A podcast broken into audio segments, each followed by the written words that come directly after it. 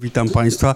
Y, Nie wiedziałem, że będę w ramach strefy psyche y, funkcjonował, ale postaram się jakoś y, dać sobie z tym radę. Na uczelniach polskich nie wykładam, widocznie nie umiem wystarczająco dobrze albo coś za słaby jestem, więc muszę wykładać na uczelniach zagranicznych. I robię to ze zmiennym szczęściem, z zmienną przyjemnością, ale jakoś robię. E, Proszę Państwa, tak myślałem, co mógłbym e, zaproponować Państwu. To Zresztą ten wykład miał być prezentem urodzinowym 20 października, ale choroba mi nie pozwoliła wtedy przyjechać i e, wy, pomyślałem, że mogę połączyć rzeczy, które znam, czy zajmuję się teoretycznie i praktycznie e, z rzeczami, które znam bardziej przez doświadczenie życiowe i stąd połączenie tego przymusu zewnętrznego i wewnętrznego. Przymus zewnętrzny znam teoretycznie i praktycznie, ponieważ jakby moją dziedziną było i jest prawo konstytucyjne i prawa człowieka, które zajmują się tym, ale także praktycznie, ponieważ od 20 lat jestem w Radzie Fundacji Otwartego Społeczeństwa i w wielu takich e, e, różnych innych organach tej ogromnej fundacji międzynarodowej, która e, wspiera, organizuje, finansuje działania dotyczące ochrony praw człowieka, państwa prawnego, dostępu do prawa i innych takich rzeczy w tej chwili już y, niemalże na całym świecie, chociaż zaczęło się 25 lat temu od krajów y, byłego obozu y, radzieckiego czy socjalistycznego. Więc stąd te moje teoretyczne rozważania czy zainteresowania znalazły bardzo silną weryfikację praktyczną i y, z praktyki czy z doświadczeń wiem, jak dalece niedostateczne są na przykład same y, zapisy, zapisanie czegoś w prawie, czy jak bardzo od rzeczywistości niekiedy odbiega teoria, jak ważne jest działanie na rzecz y, ochrony wolności, bez którego to działania i bez ryzyka związanego z tym działaniem same przepisy właściwie są martwe albo e, niewiele skuteczne. Więc e, najczęściej mówimy o wolności w kategoriach osobistych wyborów. I wolność to jest wolnością wyboru, wolnością działania. I tu chciałbym odróżnić dwa rodzaje działania: akcje i reakcje. W zdecydowanej większości nasze ludzkie działania są reakcją, tylko niekiedy są akcją. Reakcja to jest to, kiedy swoim działaniem odpowiadam na czyjeś działanie. Szefa, władcy, e, kogoś innego, kto sprowokował moje działanie i ja na nie reaguję. Akcja jest wtedy, kiedy ja sam dokonuję wyboru świadomego, że coś zrobię, coś chcę uzyskać i w tym kierunku działam. Do tego, żeby podejmować akcje, trzeba być człowiekiem wolnym i do tego może dojdę trochę później. No i trzeci element to jest pierwszy, jak powiem, wyboru, drugie działania, trzecie realizacji celów, czyli postawienia sobie celu i realizacji celu. Ograniczenia wolności mogą być zewnętrzne i wewnętrzne. W jednym i w drugim przypadku sprowadzają się do tego, że nie mogę wybierać, bo ktoś za mnie wybrał. Nie mogę działać, ponieważ nie mam możliwości działania, albo ktoś za mnie podjął decyzję i dokonał tego. Że zostanę przed działaniem powstrzymany przez zastosowanie przymusu i nieco odrębne, nie powstrzymanie bezpośrednie, czyli to, że mogę zostać za swoje działanie ukarany później. To nie jest powstrzymaniem mnie od działania w chwili obecnej, nadal mogę działać, ale zniechęceniem do działania, ponieważ mogę za coś zostać ukarany później. To jest bardzo wa- ważna zasada, ponieważ ja już mam swoje lata, konkretnie 70, więc y, znaczną część mojego życia przeżyłem y, w sytuacji braku wolności zewnętrznej i wtedy w zasadzie przyjmowano na, jako aksjomat, nigdzie nie zapisany, że można robić, obywatel może robić tylko to, co jest dozwolone prawnie. Natomiast y, już w tamtym czasie wiedziałem, że to chyba nie jest najlepszy pomysł i potem przez jakiś czas, może do teraz, może do za tydzień, żyłem w kraju, kiedy zakład, zakładaliśmy, że obywatel, każdy może robić wszystko, co nie jest prawnie zabronione. I że musi być bardzo wyraźnie zabronione coś, czego nie mogę robić, a nie muszę czekać na zezwolenie. Wolność zewnętrzna, ja to tak nazywam, na pewno nieprecyzyjnie, dotyczy przede wszystkim przymusu państwowego. To znaczy wolności zewnętrznej może zagrozić, czy wolności, zagrożenie z zewnątrz dla wolności pochodzić może przede wszystkim, czy głównie, już w tej chwili może często nie głównie, może znowu będzie głównie, ale od e, państwa i od e, przymusu państwowego. Chciałbym zwrócić uwagę na trzy elementy tego przymusu, z których najważniejsze jest to.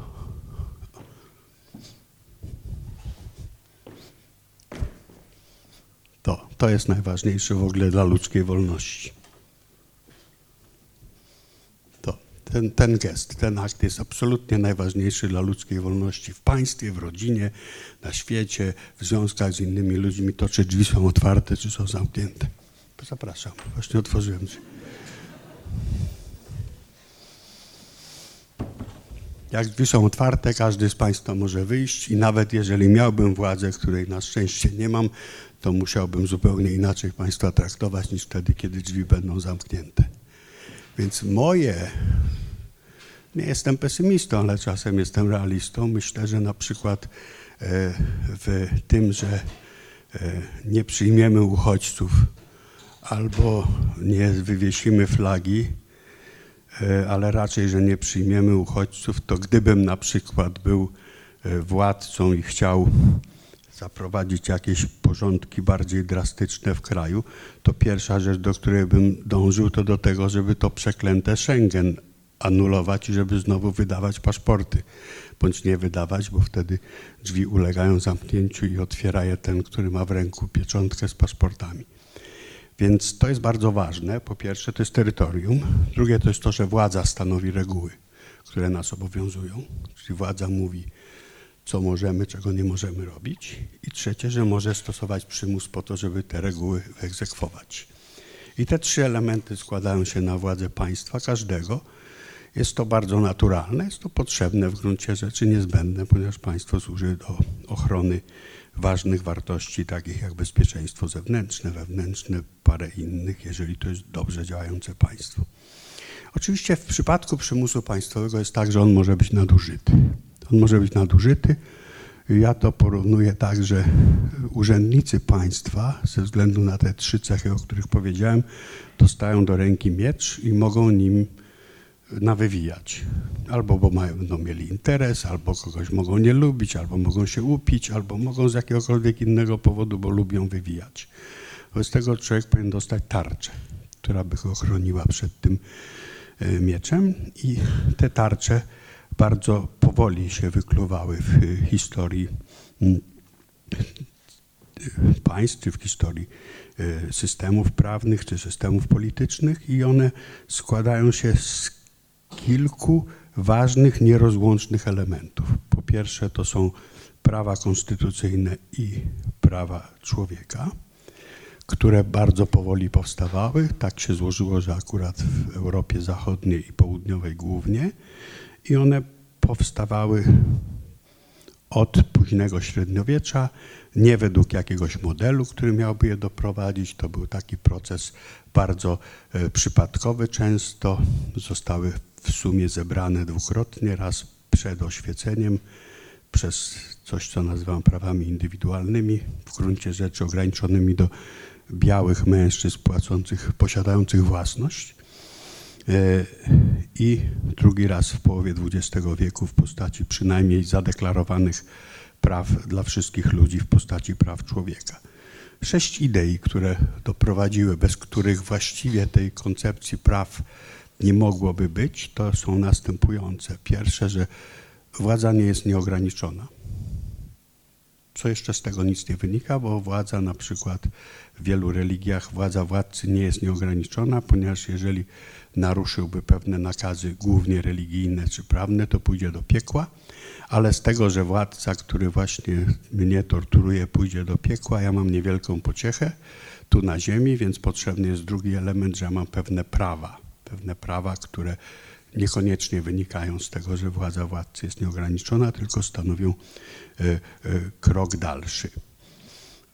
Oczywiście te prawa same, jeżeli są deklaracjami, to mają pewne znaczenie, ale jeszcze nie dają mi ochrony. E, ja jestem za tym, że deklaracje też mają znaczenie. Żyłem pod rządami Konstytucji PRL, która nie miała żadnych środków ochrony Powszechna Deklaracja Praw Człowieka też nie ma żadnych środków ochrony, ale jedne i drugie były bardzo ważne. Znaczy jak w 1968 roku studenci i pracownicy naukowi manifestowali i w gazetach napisano, że to chuligani, to powoływaliśmy się na konstytucję PRL, bo nie było na co się powołać i jednak zawsze ważne jest, żeby mieć uzasadnienie dla żądań, roszczeń do lepszego życia. I nawet deklaracja uzasadnienie daje, ale nic więcej. Wobec tego trzecie to są potrzebne instytucje. Te instytucje najogólniej to jest podział władzy. To znaczy, że żadna władza nie jest władzą, która jest władzą jednocześnie stanowienia reguł, wykonywania tych reguł i sądzenia i że te władze wzajemnie się równoważą. Po drugie to są sądy i sądownictwo albo przez sądy powszechne, albo osobne konstytucyjne. To znaczy, że są instytucje, które są niezależne od władzy bezpośrednio stanowionej i które y, mogą y, chronić praw. Co jeszcze mnie komfortu takiego, jakbym chciał, nie daje. Takiego, jakbym chciał, to nic mi nie daje, ale y, takiego, którego bym potrzebował, obywatelskiego komfortu nie daje. Do tego są potrzebne indywidualne środki dostępu do tych instytucji. To się po angielsku nazywa individual remedies. Te, te poprzednie nazywają się enforcement. Że konstytucja w jakiś sposób czy prawa będą wykonywane, a indywidualne środki ochrony dają ten komfort konkretnemu człowiekowi. Nie, że trzeba czekać, że zrobi coś rzecznik praw albo jakaś jedna część parlamentu. No i tu oczywiście są y, bardzo ważne procedury. I może zrobię dygresję i powiem Państwu, że w średniowieczu były sądy Boże, które polegały na próbie ognia albo próbie wody. Na przykład wrzucano podejrzaną o czary do wody, związaną do rzeki i jak ona nie tonęła, to uznawano, że jest czarownica i palono ją na stosie, jak tonęła, to ją wyłowiano i puszczano wolno, bo oznaczało, że tak jak każde ciało wrzucone do wody tonie, to znaczy, że tam e, żadnych czarcich i diabelskich elementów w tym nie ma. Ja tu stoję przed Państwem, e, chyba względnie rozsądny, 32 lata trzeźwy i chcę Państwu powiedzieć, że to był może największy krok w kierunku ludzkiej wolności sądy Boże, które my potępiamy, dzisiaj śmiejemy się i tak dalej. A ten krok w kierunku ludzkiej wolności nie polega na tym, co jest dzisiaj, chociaż dzisiaj wcale nie jest lepiej, jeśli chodzi o e, procedurę karną i dowodzenie winy, bo opieramy się o naocznych świadków, którzy nie mogą mieć krótkotrwałej, a potem długoterminowej pamięci nagłego, emocjonalnie dramatycznego wydarzenia, o czym psychologów nie muszę przekonywać. Natomiast Polegało to na czymś innym, na tym, że została odłączona władza decydowania od władzy orzekania. Znaczy przed tymi sądami bożymi, jeżeli miałem władzę nad kimś, bo miałem władzę nad terytorium jako król, książę albo nawet pan feudalny i ktoś mi podpadł, to nie miał żadnej szansy. A z wodą miał już 50-50. Było to pierwsza zasada podziału władzy sądzenia, odłączenia władzy sądzenia od władzy, którą możemy nazwać władzą polityczną czy władzą społeczną. Wcześniej było to jednolite i odłączono. I procedura. Procedury są strasznie ważne, ponieważ procedury czynią świat obiektywnym, starają się świat, który jest w swojej istocie subiektywny, zobiektywizować. I ponieważ świat nasz, co znowu Państwo wiecie lepiej ode mnie, jest właściwie w zdecydowanej większości subiektywny, to y, ludzkość podjęła dwie świadome próby obiektywizacji dwóch sfer życia i to jest nauka po to, żebyśmy mogli tym światem jakoś w nim się odnajdywać i wykorzystywać, czy kierować, czy do niego się dostosowywać i właśnie prawo. I w obu przypadkach głównym pojęciem jest procedura. Procedura naukowa i procedura w prawie. Więc te procedury, no ale te najpoważniejsze rzeczy to jest indywidualne, to jest dostęp do sądów. Że ja mogę, czego nie było e, w PRL na przykład, że na decyzję administracyjną mogę pójść do sądu, że mogę też na, złożyć skargę konstytucyjną, kiedy uważam, że jakieś prawo jest sprzeczne z konstytucją i że mam e, dostęp do tych instytucji. Okazało się po 20 latach w Polsce, po większym, dłuższym okresie w innych krajach, że to wszystko są derdy małe i że to ma znaczenie tylko dla ludzi, których na to stać. Że tak naprawdę te wszystkie instytucje prawne są ważne, dobre, ale dopóki rzecznik czy jakaś instytucja się nie zajmie człowiekiem, zwłaszcza biednym, zwłaszcza grupami, które są wyjątkowo narażone na dyskryminację, albo na brak dostępu do prawa, to jest bardzo trudne. I dzisiaj, dzisiaj świat przechodzi ogromny kryzys w ogóle pojęcia praw człowieka i prawa człowieka przechodzą największy kryzys w swojej krótkiej historii i coraz częściej mówimy o czymś innym, co nazywa się legal empowerment, czyli chodzi o to, w jaki sposób nie tyle bronić praw tych ludzi najbardziej dyskryminowanych, najbiedniejszych, ile pomóc im uzyskać większą kontrolę nad własnym życiem. Podam przykład. Jeżeli chodzi o prawo czy o ochronę prawną, no to idziemy do sądu czy do Trybunału Konstytucyjnego, który coś orzeka, że coś jest niezgodne z konstytucją. Sąd polski, europejski wydaje orzeczenie. Europejskich decyzji już prawie nikt nie wykonuje, żaden kraj e, e, należący do Rady Europy, zwłaszcza z tych nowych członków, ale jakieś tam decyzje są, ale ma to bardzo niewielki wpływ na życie ludzi biednych, słabych, ponieważ na przykład najważniejszym e, e, przedsięwzięciem dla ludzi w świecie, którzy potrzebują pomocy prawnej, którego żadne prawa człowieka nie gwarantują, to jest zapewnić ludziom adres zamieszkania. Na przykład jest wiadome, że wśród bardzo biednych ludzi w trzecim, dawnym trzecim świecie, w Afryce albo w Azji, ogromną rolę budującą może odegrać coś, co się nazywa mikrokredytem z rzędu 50 dolarów, które dostanie kobieta w rodzinie, mężczyzna nie, kobieta. Kobieta z tych 50 dolarów potrafi zbudować życie dla rodziny i poczucie bezpieczeństwa. Tylko po to, żeby dostać mikrokredyt, trzeba mieć adres.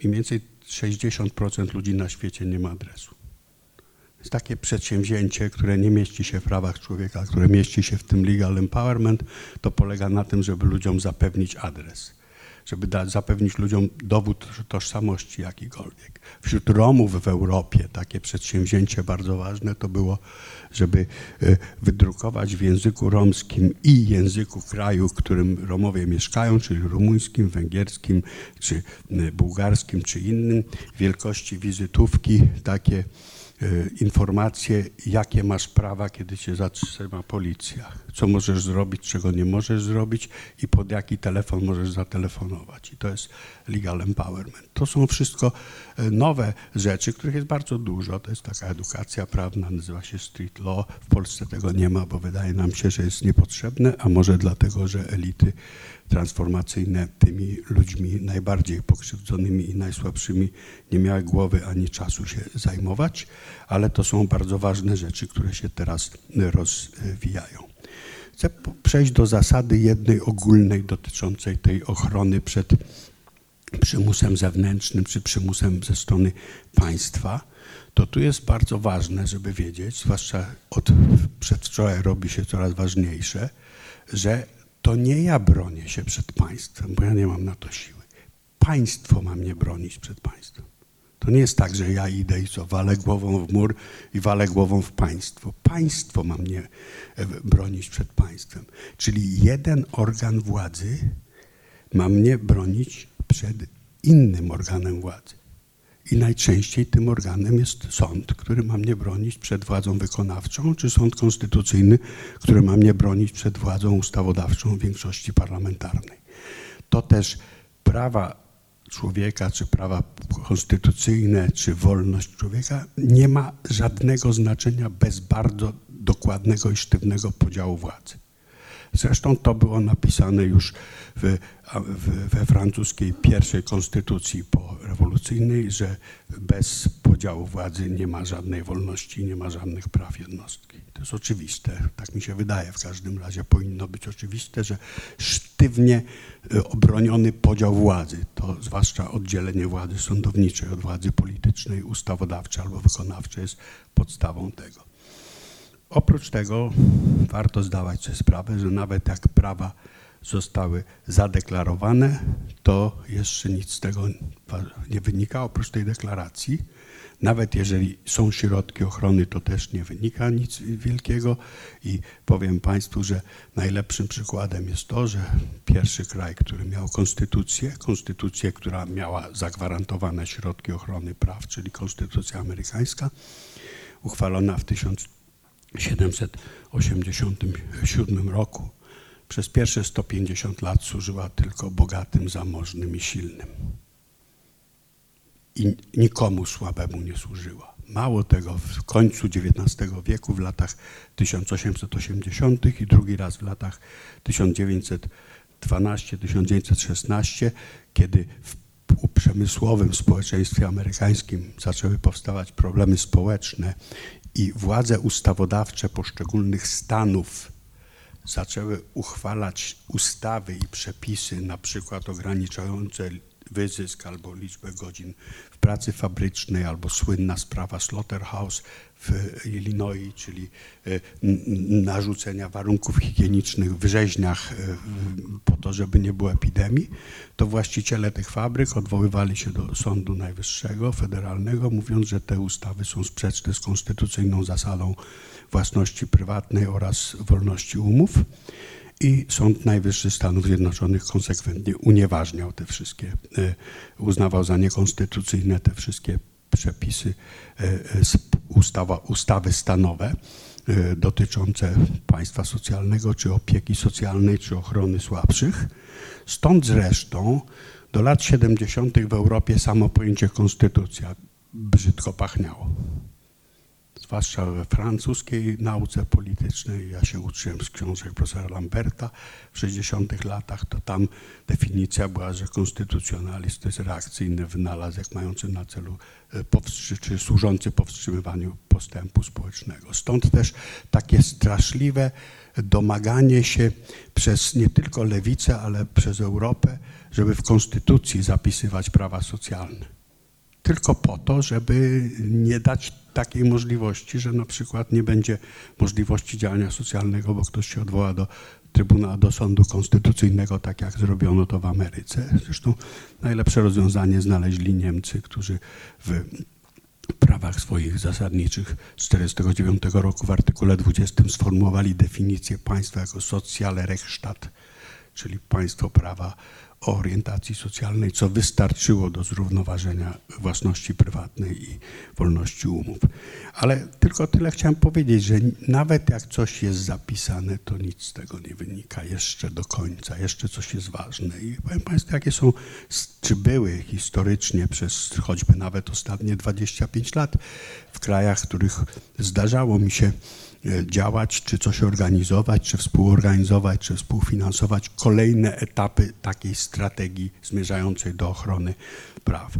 Pierw to oczywiście w kraju niewolnym, już po tym, jak została podpisana porozumienia helsińskie. Bo tak naprawdę dla ochrony praw człowieka w Europie, w Europie w ogóle, w Europie Środkowo-Wschodniej najważniejsze znaczenie miały podpisano e, porozumienia helsińskie w ramach Konferencji Bezpieczeństwa i Współpracy w Europie w 1975 roku. Konkretnie jedno zdanie w tych porozumieniach, które 20 lat mi zajęło, żeby znaleźć, kto to zdanie wpisał, bo ruskie to wyraźnie przeoczyli. Tam w preambule do tych porozumień jest napisane, że każdy ma prawo znać swoje prawa. I takie nie, właściwie niewinne słowo. I w oparciu o to zdanie następnego dnia w Moskwie Andrzej Sacharow, Sergiej Kowaliow i pięć innych osób podało imiona, nazwiska, adresy i powiedzieli, że oni zakładają moskiewską grupę helsińską, żeby teraz ludziom pomagać znać swoje prawa i żeby przestrzegano tych praw. Okazało się, że w Helsinkach było dwóch niezależnych od rządu przedstawicieli Kongresu Amerykańskiego. I oni to wpisali, a pozostali wszyscy przeoczyli. I tak się dzieje historia, jakichś dwóch panów to wpisało. W każdym razie w oparciu o ten przepis można było monitorować. Monitorować to znaczy zapisywać, to bardzo jest bardzo ciężka. Polska Fundacja Helsińska szkoli ludzi do dzisiaj w Azji Środkowej i na Kaukazie w monitorowaniu, bo to jest takie działanie zbierania dowodów, bardzo konkretnych dowodów, bardzo konkretnych naruszeń tych praw i oczywiście z takim monitoringiem w latach 70. czy 80. co można było zrobić? No przesłać je do ambasady szwedzkiej, amerykańskiej albo angielskiej, wierząc, że kraje, które były sygnatariuszami tej porozumień helsińskich ujmą się za kogoś, czy skrytykują kraj, który łamie te porozumienia. Oczywiście tam była podwójna moralność. Nasi dyktatorzy byli dobrzy, ich dyktatorzy byli źli i to jest bardzo częste, ale taki monitoring był jedyną właściwie możliwością. E, później wchodziła w grę edukacja, zwłaszcza zaraz po przemianach edukacja na temat konstytucji praw człowieka i tworzenie konstytucji, ustaw i instytucji. Potem była walka o dostęp do tych instytucji, to znaczy o stworzenie różnych organizacji, głównie pozarządowych, które by ludziom ułatwiały dostęp do sądów i do trybunałów. No i potem okazało się, że najważniejszą rzeczą, kiedy już są te wszystkie, to całe oprzyrządowanie jest prowadzenie, wybieranie spraw, które miałyby charakter precedensowy. I w Fundacji Helsińskiej powstał taki program spraw precedensowych.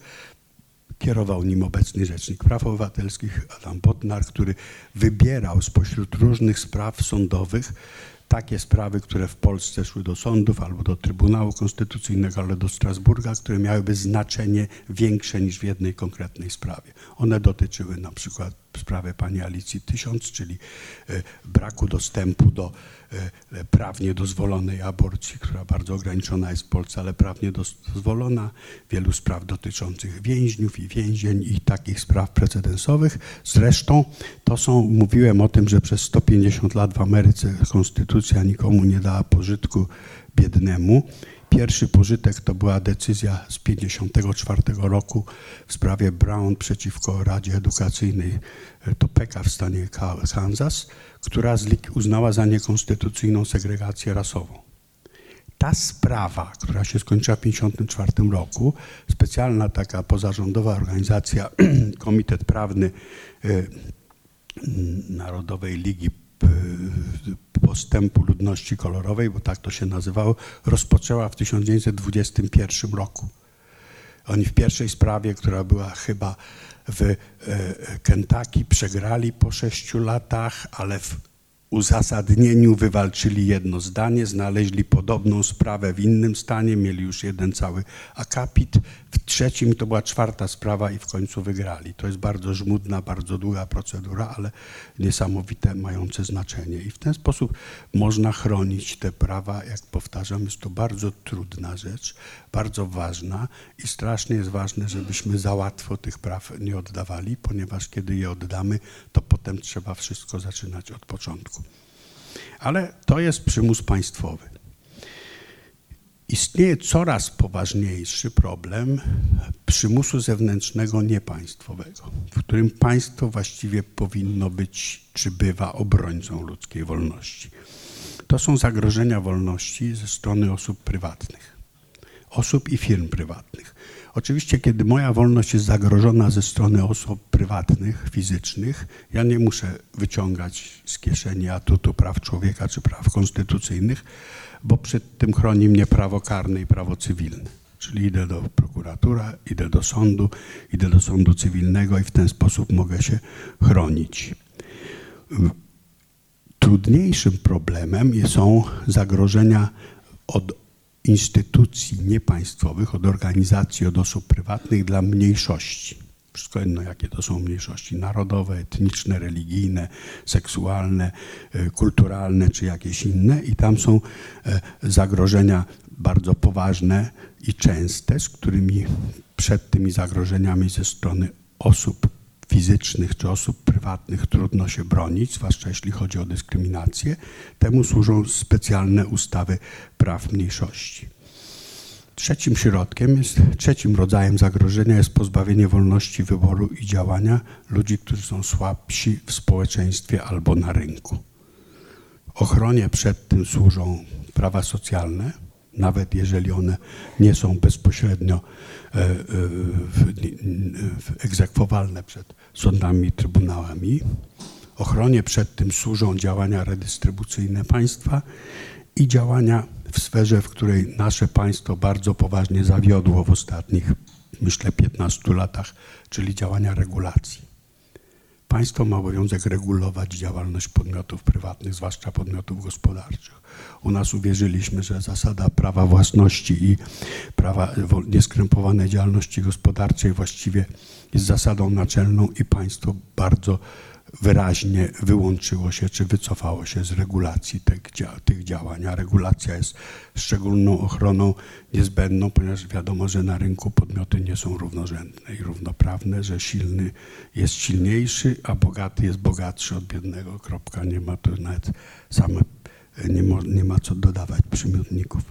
W ostatnich latach powstał bardzo poważny pro, problem właśnie niepaństwowych nadużyć ludzi nadużywających swojej potęgi na rynku i to są dwa rodzaje takich nadużyć. Pierwsze to są wielkie korporacje, zakłady użyteczności publicznej, banki, dostawcy internetu i wszystkie instytucje, z którymi znowu możemy walić głową w ścianę. Że indywidualny nabywca ich usług jest właściwie bezsilny i bezbronny. I do tego służą takie instytucje jak tam e, instytucja ochrony konkurencji, ale rzeczywiście najważniejsze to jest regulacja i ochrona i te instytucje służą regulacji, chociaż potęgi, które na tym rynku działają, nie chcą regulacji i państwo neoliberalne zrezygnowało z regulacji w imię rzekomej neutralności. Powiem Państwu, co się stało na szczęście w Polsce w mniejszym stopniu w 2008 roku, czyli kryzys bankowy. Kryzys bankowy w Polsce jest pozagrobowym zwycięstwem gospodarki socjalistycznej, o czym za chwilę, i to jest niemodne, żeby to powiedzieć, ale za chwilę do tego dojdę. Ten kryzys miał źródło w latach 90., kiedy zresztą za e, prezydentury demokraty Clintona, ale neoliberała, najpierw w Stanach Zjednoczonych, później w innych krajach, pozwolono przełamać bardzo wyraźny, zawsze istniejący podział między bankami inwestycyjnymi i bankami oszczędnościowymi. Bank inwestycyjny był rodzajem ruletki. Miałem nadmiar pieniędzy, miałem dużo pieniędzy, szedłem z tymi pieniędzmi chciałem dużo zarobić i ten bank grał ze mną w ruletkę i mogłem bardzo dużo zarobić. Natomiast były banki oszczędnościowe i banki oszczędnościowe polegały na tym, że składałem oszczędności, że ten bank oferował mi 2-3% rocznie, w czasie koniunktury może trochę więcej. Korzystał stosunkowo niewiele, ale korzystał z tego, ale nie mógł ryzykownie inwestować tych pieniędzy. Były bardzo poważne ograniczenia. Dotyczyło to zwłaszcza emerytur i tego, w jaki sposób emeryturami i funduszami emerytalnymi e, dysponowano. I w latach 90.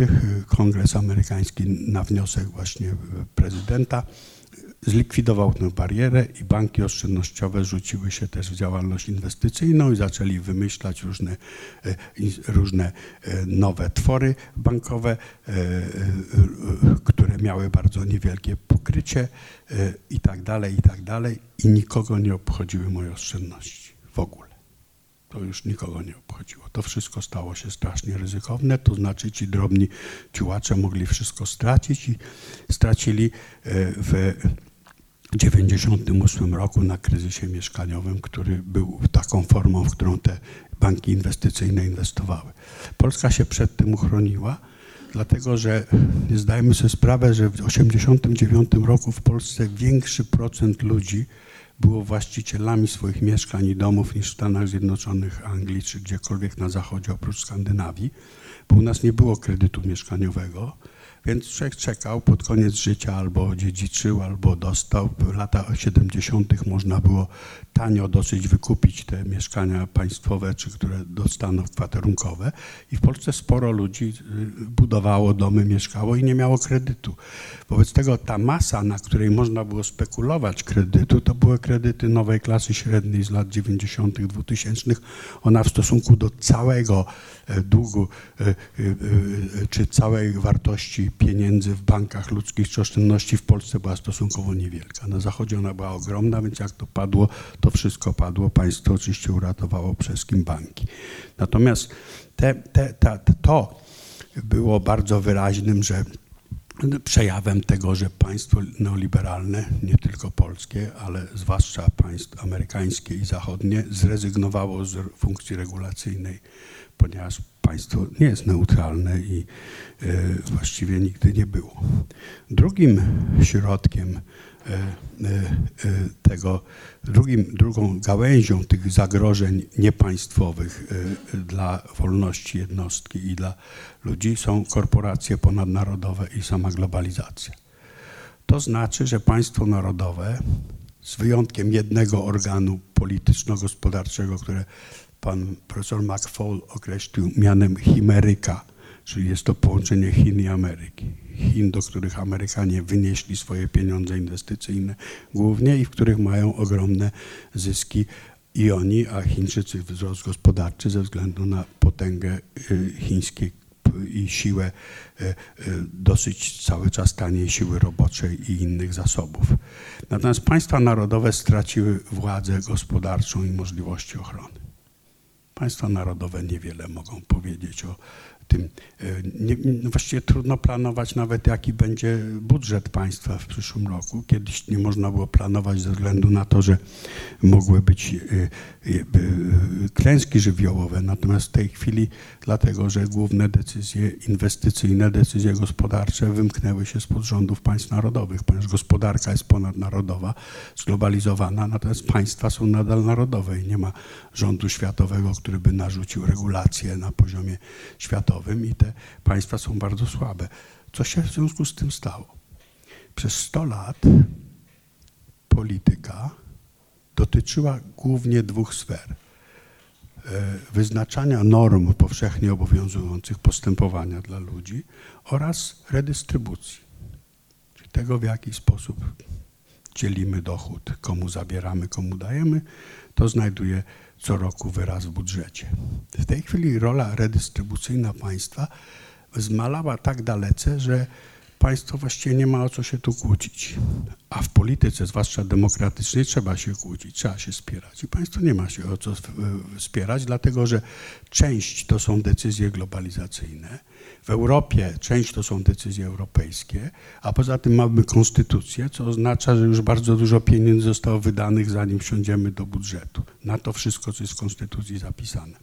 A politycy muszą się kłócić, wobec tego polityka przeniosła się na teren tożsamości. Tożsamości, czyli religii, etniczności, narodów. Alfred Stepan, który jest jednym z najwybitniejszych politologów i konstytucjonalistów na świecie, zbadał debaty konstytucyjne 25-30 lat temu w krajach przechodzących transformację do demokracji, nie tylko w Europie Środkowej, także w Ameryce Południowej, bo to jest jego oryginalny e, zakres zainteresowań, także w innych krajach. I ku swojemu zdziwieniu doszedł do wniosku, który ja mogę potwierdzić, zaraz powiem dlaczego, że w tych debatach 25 lat temu w ogóle nikt się nie zająknął na temat potencjalnej roli religii i etniczności. Nikt, tak jakby ten problem nie istniał. E, to było Centrum Badania Konstytucjonalizmu w Europie Środkowo-Wschodniej, które było przy Uniwersytecie w Chicago i myśmy mieli korespondentów i cały ten proces zapisaliśmy. W Europie Środkowej trochę było przy okazji Jugosławii etniczności. Natomiast tak jakbyśmy uwierzyli, że już nie ma problemu e, różnic religijnych, różnic etnicznych, narodowych e, 25 czy 20 lat temu. Dzisiaj to są główne problemy polityki i główne problemy, które zagrażają życiu. Ale co to oznacza, kiedy polityka przenosi się na teren tożsamości? To oznacza, że bardzo łatwo o podział my oni. I oczywiście my większość i oni mniejszość. I ta polityka tożsamościowa zawsze stanowi zagrożenie dla wolności i praw mniejszości, czy to religijnych, czy etnicznych, czy kulturowych. Nie chcę w to wchodzić głębiej w populizm. Może Państwo pytaniami najwyżej e, zadacie, które tego mogą dotyczyć, ale to jest taki bardzo ważna sfera, w której właściwie aż, aż się prosiło o ograniczenie i naruszenie praw, czy naruszenie poczucia bezpieczeństwa. Więc to są te zagrożenia płynące z zewnątrz. I teraz temu, jak powiedziałem na początku, ochronie przed tego rodzaju zagrożeniami mają służyć prawa. Prawo z jednej strony i prawa z drugiej strony. My w Polsce i w Rosji to są kraje, gdzie jest pewna trudność oddzielenia, ponieważ ten sam rzeczownik obejmuje dwa odrębne pojęcia prawo i prawa. W łacinie to było jus i lex, po angielsku to jest law i rights, i w każdym innym języku to są dwa słowa, natomiast u nas jest prawo i prawa. Więc prawo to są te wszystkie systemy kodeksowe, które regulują zachowania ludzkie i prawa to są tak zwane prawa podmiotowe, które stanowią ochronę. Ja do, po wielu latach, kiedy usiłowałem znaleźć jakiś sposób, żeby studentom łatwo to wyjaśnić, myślę, że znalazłem i teraz zaeksperymentuję. Otóż prawo to jest zbiór reguł, które regulują zachowanie nas wszystkich ze mną włącznie. Prawa podmiotowe, czyli use albo rights, to są przepisy, które regulują zachowanie was wszystkich oprócz mnie jak ja mam prawa, to wy musicie coś zrobić albo nie możecie czegoś zrobić. Pani ma prawa, to my wszyscy musimy albo nie możemy, każdy z nas. Czyli prawa zostawiają nas w spokoju, dają nam ochronę, natomiast wymuszają zachowanie ze strony wszystkich innych ludzi i organów. Natomiast prawo wiąże także mnie i każdego z nas. Da się zrozumieć? No to pamiętamy teraz już.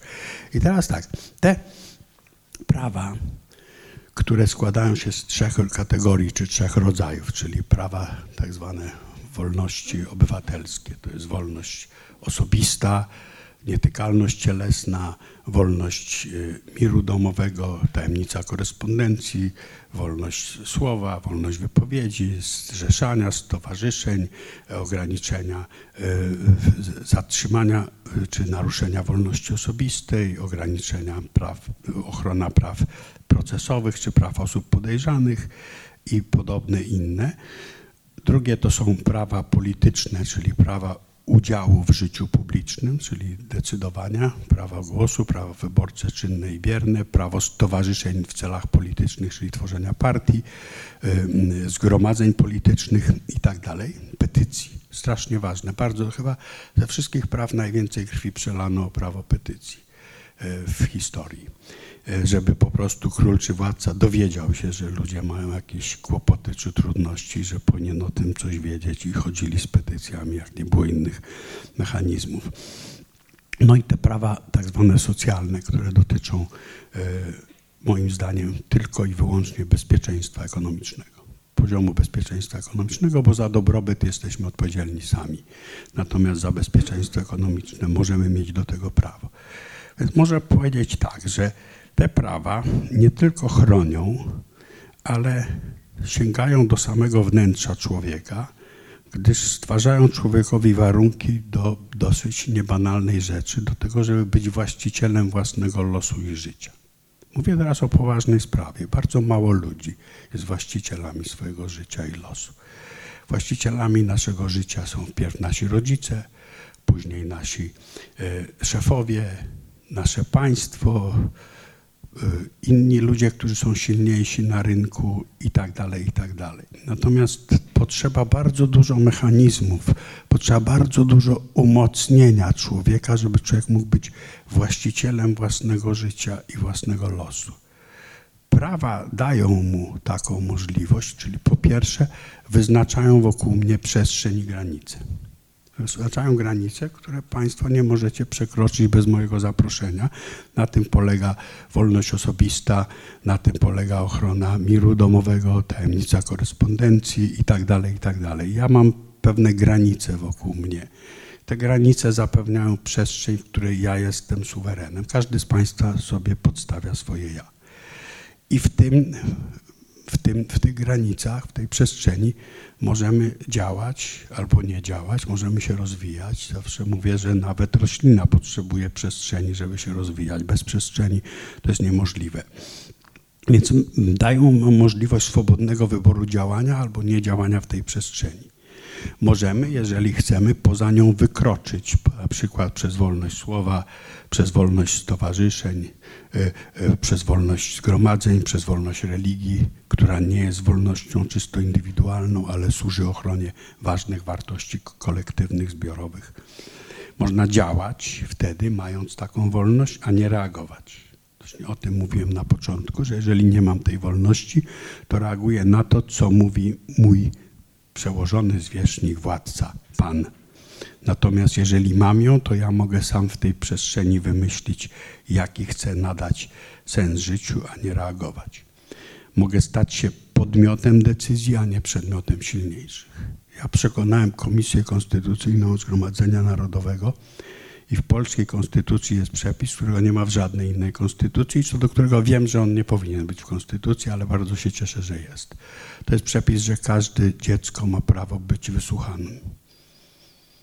I to się wiąże z tym godnościowym, podmiotowym znaczeniem, że jeżeli urząd państwowy czy rodzice razem z urzędem państwowym mają podjąć decyzję o losach dziecka, to nie mogą dziecka przestawić jak mebel.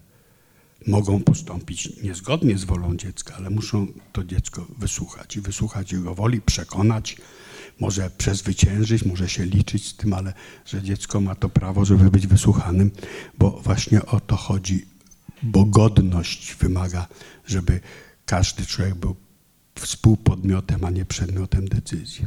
Słowem, może stać się właścicielem swego życia i losu i ma wolność.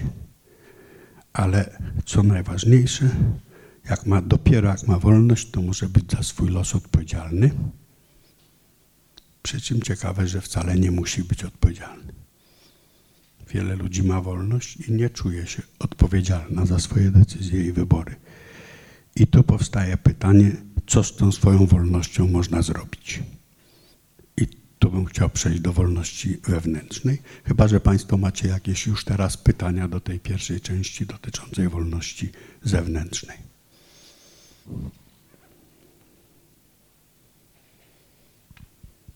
Albo wszystko żeście zrozumieli, albo nic, ale to już jest jakby nie, nie mnie to sądzić, ale przejdę do wolności wewnętrznej i może potem z tego coś wyniknie.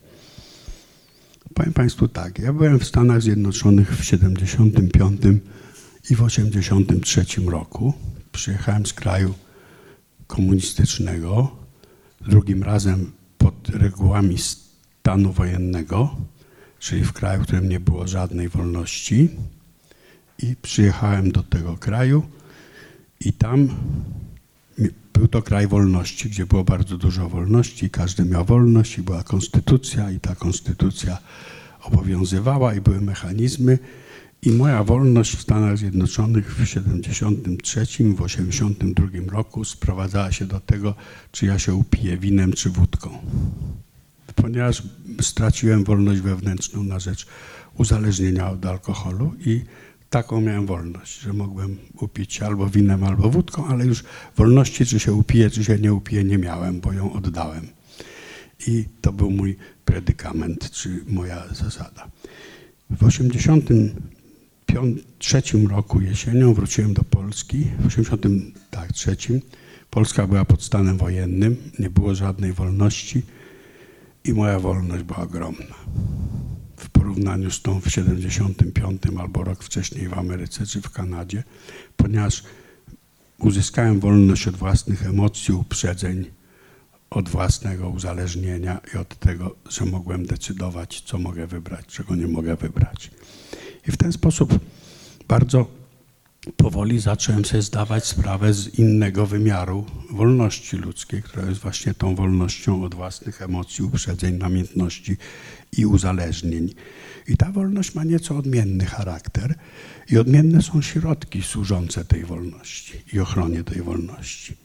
Wiecie, państwo może obronić mnie przed innymi przez podział władz i państwo może obronić mnie przed sobą, czyli przed państwem, przez podział władz i przez innymi, przez regulacje czy przez prawa, które stanowi. Natomiast przed samym sobą w zasadzie państwo mnie nie obroni. Tu nie ma takiej możliwości. Można, spróbujecie na przykład więzieniem karać ludzi, którzy używają narkotyki i to też nie bardzo broni tych ludzi, tylko powoduje dużo większe innego rodzaju koszty. Obronie przed sobą w teorii ma służyć rozum, ale emocje, namiętności, pragnienia, uprzedzenia, jak każdy z Państwa choćby przez chwilę w życiu mógł się przekonać, wyłączają rozum. Choćby na chwilę, czasami na dłużej. Wyłączają rozum trzema drogami. Przez inne widzenie świata, głównie przez minimalizowanie na przykład szkód, które e, e, powoduje swoim zachowaniem czy działaniem, przez zakłamanie, czyli szukanie innych źródeł moich zachowań niż rzeczywiste i przez obwinianie innych. To najczęstsze zresztą jest. I wtedy, kiedy te trzy metody wyłączenia rozumu czy zdeformowania rozumu stosuję, bardzo niewielkie możliwości są, żebym dostrzegł rzeczywiste źródła czy przyczyny moich problemów, jak to robi się w nauce, gdzie można zrobić eksperyment, powtórzyć, zbadać coś i zobaczyć. Właśnie jak mówiłem wcześniej, w przypadku wolności zewnętrznej istnieją procedury. W przypadku wolności wewnętrznej nie ma takich procedur. Nie mam żadnych wewnętrznych procedur, które by mi pozwalały nie okłamywać samego siebie. To wymaga czego innego i, i, i innych działań. W przypadku naruszeń naszej wolności zewnętrznej widzimy te naruszenia albo je odczuwamy. W przypadku wolności, naruszeń wolności wewnętrznej przez samych siebie nie widzimy, bo te właśnie mechanizmy nam nie umożliwiają to, uniemożliwiają pierwszym przypadku możemy, choć to trudne, uczyć się na błędach. Przy zakłamaniu lub obwinianiu innych nie możemy się nauczyć. To powiem Państwu tak, ja jestem nauczycielem akademickim i powiem Państwu, kto jest w ogóle najlepszym nauczycielem na świecie. Jest taki nauczyciel, ma bardzo konkretne imię i nazwisko. On się nazywa, na imię ma Gorący, na nazwisko Piec. Gorący Piec jest najlepszym nauczycielem, ponieważ Gorący Piec daje informacje nie obwiniając i nie potępiając. Jak dotknę gorącego pieca, to piec mi przekazuje informację, cudowny jesteś, bardzo kocham cię, jak mnie dotykasz i bardzo to lubię i to jest twoja decyzja, tylko będziesz miał bąble na palcach. Jak ja będę miał bąble pierwszy, drugi raz, to ten nauczę się, że może nie warto dotykać tego pieca. Otóż to, co robimy wewnętrznie z naszym życiem, jest te mechanizmy zakłamania, czy minimalizowania, czy obwiniania innych, to wyłączamy ten piec. Wpadamy na piec i mówimy, że to właściwie nie my żeśmy wpadli, tylko piec na nas wpadł. Nie? Albo, że ktoś podstawił nam ten piec i to było bardzo złośliwe i nieładne i szukamy tego winnego. I w przypadku wolności wewnętrznej potrzebujemy koniecznie innych ludzi, żeby zobaczyć samego siebie, a często potrzebujemy upaść albo się bardzo ostro sparzyć, żebyśmy w ogóle gotowi byli tych innych ludzi wysłuchać. Więc uświadomienie sobie własnych ograniczeń czy własnego zniewolenia, jeśli chodzi o uzależnienie, jest bardzo trudne. A wychodzenie z tego zniewolenia wymaga ogromnej pracy, i tej pracy przyświeca inna logika niż logika prawa albo logika nauki. Jest to logika nie rozumienia, tylko identyfikacji. To jest trochę jak żywoty świętych. Nie były pisane, że ktoś zrozumiał żywot świętego, tylko żeby się zidentyfikował. Żeby się zidentyfikował z postępowaniem czy z zachowaniem. Wymaga, jest to logika identyfikacji, naśladownictwa i wdrażania się powolnego w nowe życie.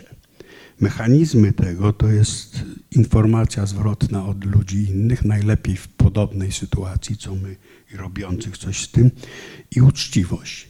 Przy czym nie jest to uczciwość nawet wobec innych, tylko przede wszystkim wobec samego siebie. I poznawanie nie tyle praw świata zewnętrznego, co własnych uczuć.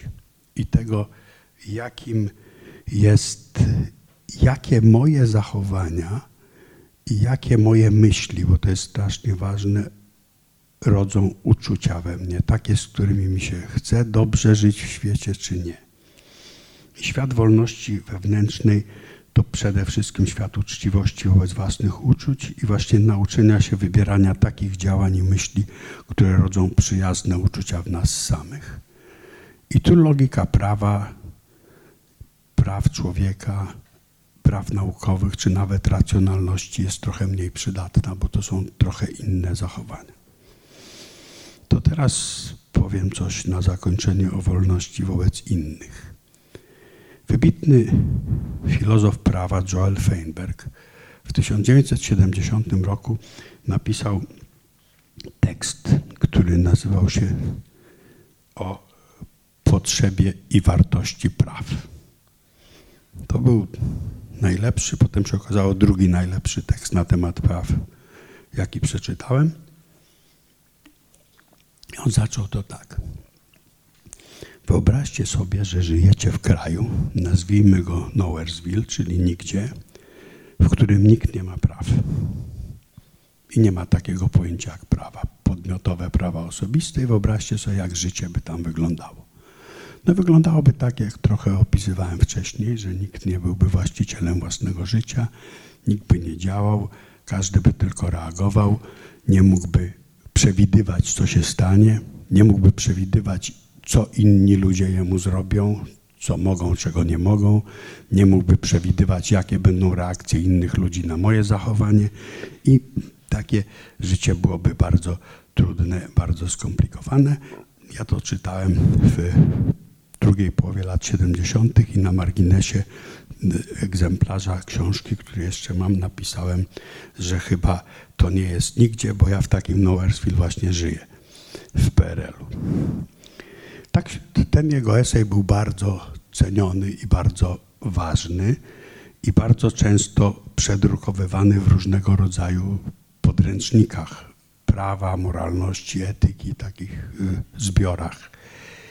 I w chyba 80 roku państwo Bandman wydawali taki zbiór, albo w 78 Etyka y, i prawa człowieka i poprosili, czy mogą przedrukować ten jego tekst. I on im odesłał, powiedział, tak, zgadzam się na przedruk, ale przez te 8 lat dużo na ten temat myślałem i chciałbym, żebyście Państwo wydrukowali to jeszcze z postscriptum, które ma jedną stronę i jeden akapit. I to postscriptum jest najlepszym tekstem o prawach, jaki czytałem kiedykolwiek, jeszcze lepszym od tamtego. I on im napisał tak. Wyobraźmy sobie miejsce, nazwijmy je Nowheresville 2, czyli nigdzie 2, gdzie ludzie mają prawa i tylko prawa. I gdzie niemal każdy wypełnia solennie obowiązki wobec innych i zawsze egzekwuje wobec nich swoje prawa. I jak będzie wyglądało życie w takim społeczeństwie? W takim społeczeństwie nikt nie daruje długów, nie wybacza krzywd, nie przyznaje nieoprocentowanych pożyczek. W takim społeczeństwie człowiek niczego nie daje, człowiek nie może dać miłości, współczucia, nie może przebaczyć, nie może dać daru innemu. I żadne więzi nie wyrastają z zaufania. Nie ma sympatii ani w ogóle uczuć. To znaczy, że po to, żebyśmy byli ludźmi, w takim społeczeństwie nie ma tych cech, które czynią nas ludźmi tak naprawdę. Czyli po to, żebyśmy byli ludźmi, to musimy potrafić i móc ograniczyć własną wolność na rzecz innych. Ale samoograniczyć. To znaczy, nie może być tak, że ktoś przyjdzie i powie, my wiemy, że wolność was nie uczyni szczęśliwymi, więc ją zabierzemy. Musimy wpierw dostać tę wolność, żeby móc ją później ograniczyć. Czyli trzeba mieć prawa po to, żeby móc się później ich wyrzec. No ale wchodzi taka myśl, że nawet jeżeli Feinberg w tym drugim swoim eseju ma rację, że mamy już te prawa i wolności i na rzecz uczuć potrafimy i możemy się wyrzec, to przecież bywa tak, że uczucia mogą być nadużyte, nadużyte zdradzone, wykorzystane przeciwko nam. I wtedy przychodzi w sukurs drugi filozof prawa, Jeremy Waldron, który napisał coś, co tytuł ma prawa jako mechanizm zabezpieczający. I on najogólniej mówi, że oczywiście dobrze byłoby, żeby uczucia kierowały życiem ludzkim, ale wtedy, kiedy są one zdradzone, trzeba móc wziąć z powrotem w swoje ręce prawa i się bronić. I każda oczywiście wykorzystywana czy bita żona i każdy człowiek, którego dziecko, którego miłość rodziców y, ogranicza mu wolność, a także kończy się przymusem fizycznym i każdy człowiek sponiewierany przez bliskich innych. A chcę powiedzieć, zaraz o tym powiem, jakie to jest częste, wie o tym, że musi wziąć w ręce swoje prawa. I powiem, jakie to jest częste, może na, na koniec. Przez dwa lata w Kalifornii uczyłem w więzieniu dla kobiet. Przyjechałem z Polski pod stanem wojennym w 1985 roku i w więzieniu amerykańskim uczyłem praw człowieka. Miałem w klasie 35 kobiet, w tym trzy kobiety, które były w bandzie Mansona, która zamordowała Sharon Tate. Zresztą jedna już zmarła, z nimi wszystkimi bardzo się zaprzyjaźniłem, a jednej wraz z jednym jeszcze człowiekiem do niedawna płaciłem, ona już skończyła, żeby skończyła studia będąc w więzieniu, bo ma dożywocie. Ale kiedy przyjechałem tam i uczyłem praw człowieka, to pomyślałem sobie, co za cudowna okazja, żeby się od nich czegoś dowiedzieć. Mianowicie prawa człowieka, tak się wydaje, są właśnie naruszane przez państwo i tych, którzy mają miecz w ręku. No więc każda osoba, która trafiła do więzienia, musiała mieć do czynienia z policją, prokuraturą, sądem, strażnikami więziennymi, personelem penitencjarnym, czyli z tymi takimi klasycznymi naruszycielami praw. Wobec tego poprosiłem je, żeby na następne zajęcia, to było w środę raz na tydzień, napisały w jakich sytuacjach ich prawa były naruszane i przez kogo. I sobie taki zrobiłem nawet wykres, napisałem tych naruszycieli i myślę, dostanę 35 i zrobię sobie taką statystykę.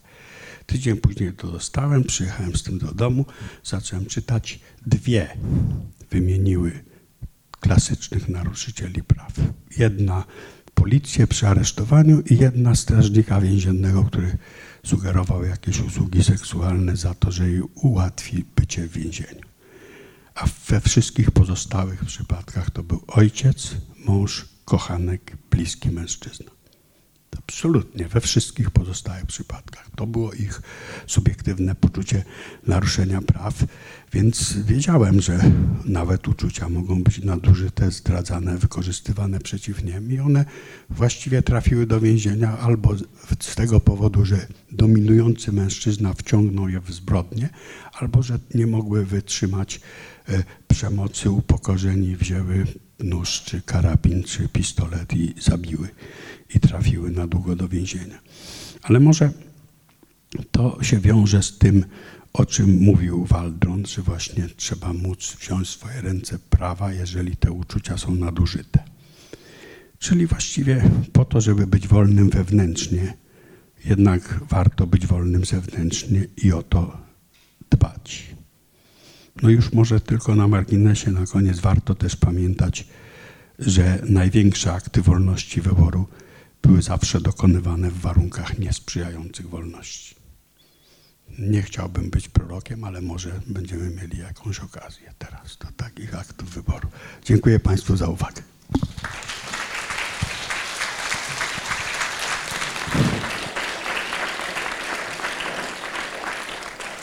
Czy mają Państwo jakieś pytania? Tak, mają, mają, tylko jeszcze nie wiedzą. pytanie dotyczące przymusu edukacji. Przymus edukacji, jaki mamy w Polsce, jest do 18 roku życia. Potem już nie ma tego przymusu edukacji. Bardzo często spotykam się z tym, że w momencie przed tym 18 rokiem życia jest duża niechęć do edukacji. Potem następuje taki proces może dojrzewania, że ta chęć jest, ale jest już za późno. I jakie Pan ma doświadczenia też w tym zakresie? Doświadczenia mam różne. Na to zacznę od przymusu. Wie pani, to, że w polskiej konstytucji jest do 18 roku życia, to na przedostatnim posiedzeniu Zgromadzenia Narodowego jakiś baran wstał i powiedział, żeby w konstytucji zapisać przymus do 18 roku życia i nikt nie miał odwagi powiedzieć, siadaj baranie, to jest bez sensu i uchwaliliśmy to w konstytucji. Poprzedni pomysł był taki, że do poziomu średniej edukacji ma być, natomiast, że niekoniecznie do 18 roku życia, bo wiele ludzi na przykład z rodzin biednych czy z rodzin, które potrzebują pomocy i wsparcia, może nie chcieć się edukować i nie musi, nie, nie, musi, nie musi człowiek chcieć się edukować. Tak naprawdę to ja uważam, że przymusowa edukacja powinna być do poziomu e, gimnazjum, jeżeli gimnazjum pozostanie, a potem to jest kwestia wyboru. E, w moim przekonaniu najlepsze najlepsze działania.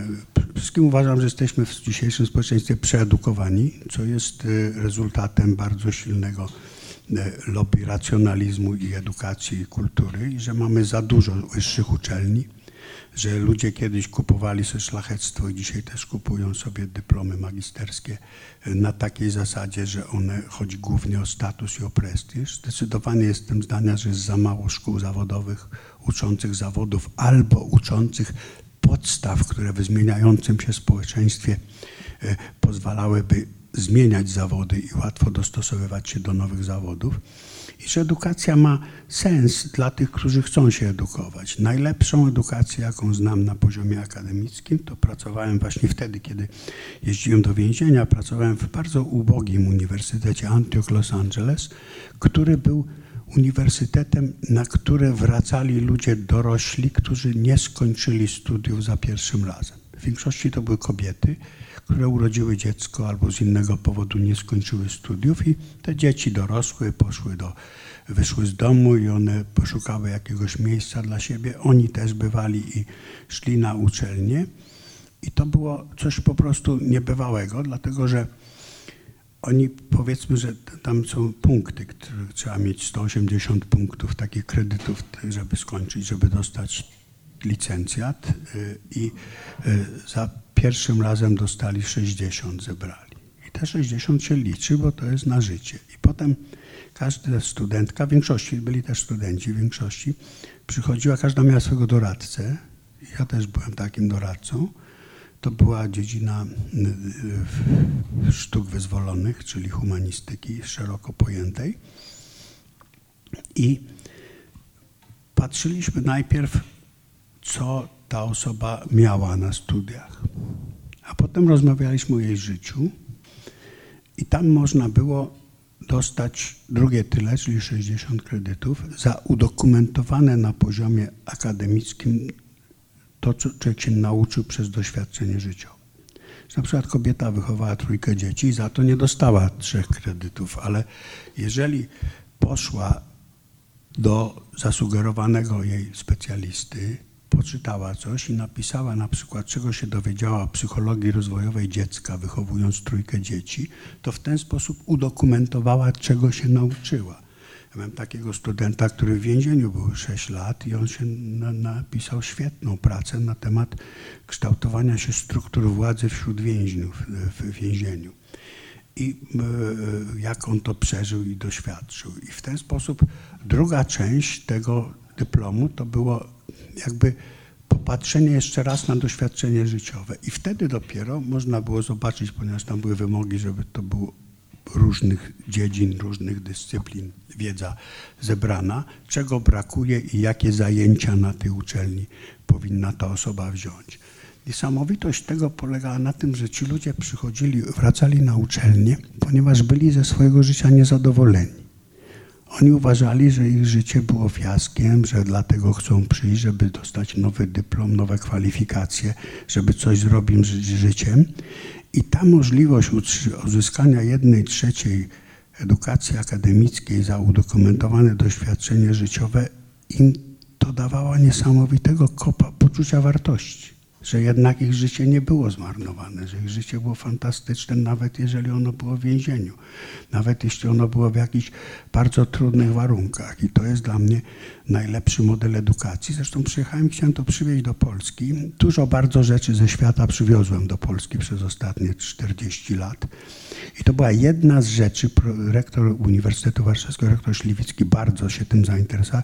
Jedyna rzecz, której się nie udało przenieść ze względu na to, że Amerykanie nie mogli tego zrobić, bo ten uniwersytet właściwie wpadł w straszne tarapaty finansowe i nie mógł sobie pozwolić na to, żeby tu przysłać ludzi i to robić.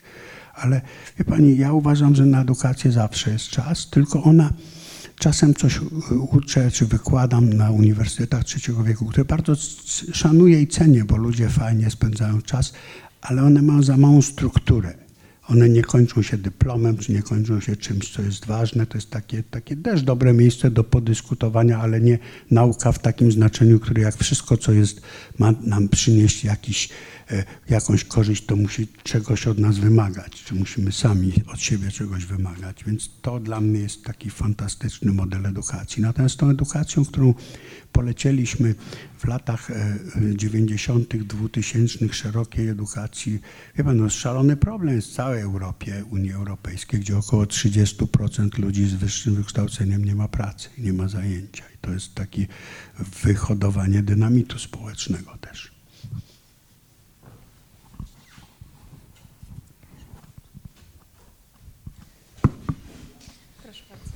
Takie pytanie bardziej osobiste, ponieważ też interesuję się bardzo więźniami i w ogóle filozofią odbywania kary, e, to chciałam Pana zapytać, co Pana zainspirowało, żeby te wykłady przeprowadzać w więzieniu? Jak, jak w 90% moich przypadków zaciekawienie. Ja przyjechałem na tę uczelnię, nie wiedząc, że tam są zajęcia w więzieniu. Przyjechałem, ponieważ mm, ten Antioch miał wiele uczelni amerykańskich, ja po nich jeździłem z różnymi wykładami i tam mi powiedzieli, Alerdynas, który był takim miłym kolegą, może pojedziesz w środę do więzienia z nami. Pojechałem i zachwyciłem się i zaciekawiłem się i, i potem dwa lata później wróciłem do Los Angeles właśnie na dwa lata do tej uczelni, głównie po to, żeby uczyć więzieniu. To mnie po prostu... Wie pani, to jest tak, że w Ameryce do niedawna, w Kalifornii na pewno, potem to się zmieniło, było prawo, które było wy, wydedukowane z praw konstytucyjnych, że więzień miał prawo do akademickiej edukacji na poziomie licencjatu. Że, że jeżeli chciał, to miał prawo studiować. Wobec tego uczelnie, głównie stanowe, uczyły w więzieniach i miały programy akademickie w więzieniach. To była uczelnia prywatna, która miała też zakontraktowany ze Stanem i z więzieniem program akademicki w więzieniu. I ja w ramach tego programu tam uczyłem.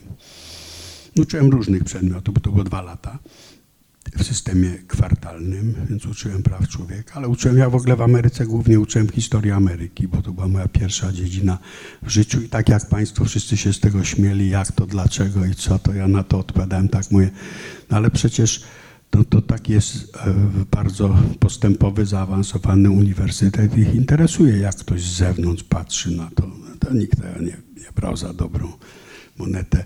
No to mówiłem zaraz, no popatrzcie, ilu ludzi którzy byli etnografami, historykami, to byli ludzie z innej kultury. Kolberg w Polsce czy inni przyjeżdżali, patrzyli, lepiej widzieli. W Ameryce też.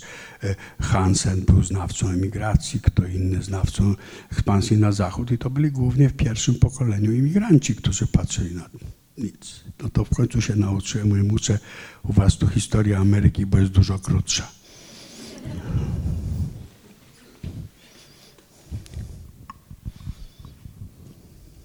Ktoś jeszcze z Państwa?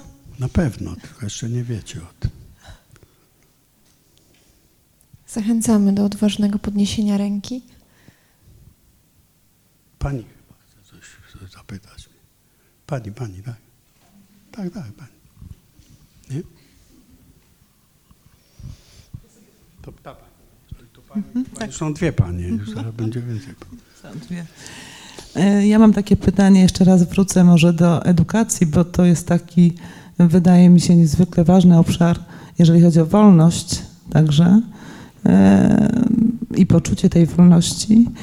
E, Myślę sobie, że mamy taką grupę osób w edukacji w Polsce, która próbuje wprowadzić taką nie tylko działanie przez reakcję, jak Pan tutaj powiedział, ale także przez akcję, czyli działanie, e, ale ciągle też mamy pewne problemy związane e, z kwestią mm, nieumiejętności wykorzystania e, swoich praw, bądź też pewnego rodzaju wdrukowania postawy tylko reagowania na różne rzeczy bez umiejętności, czyli nawet jak pojawia się ten obszar wolności, to nie potrafimy z tego do końca skorzystać.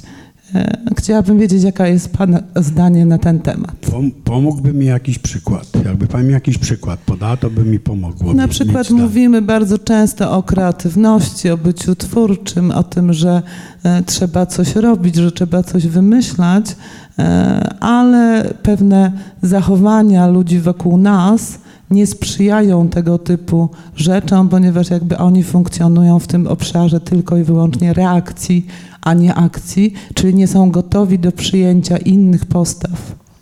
Wie pani, to e, kreatywność oczywiście jest kwestią osobistą, ale nie tylko. I do kreatywności potrzebne są warunki zewnętrzne i, i, i do kreatywności potrzebne w gruncie rzeczy są bodźce, które pochodzą od innych.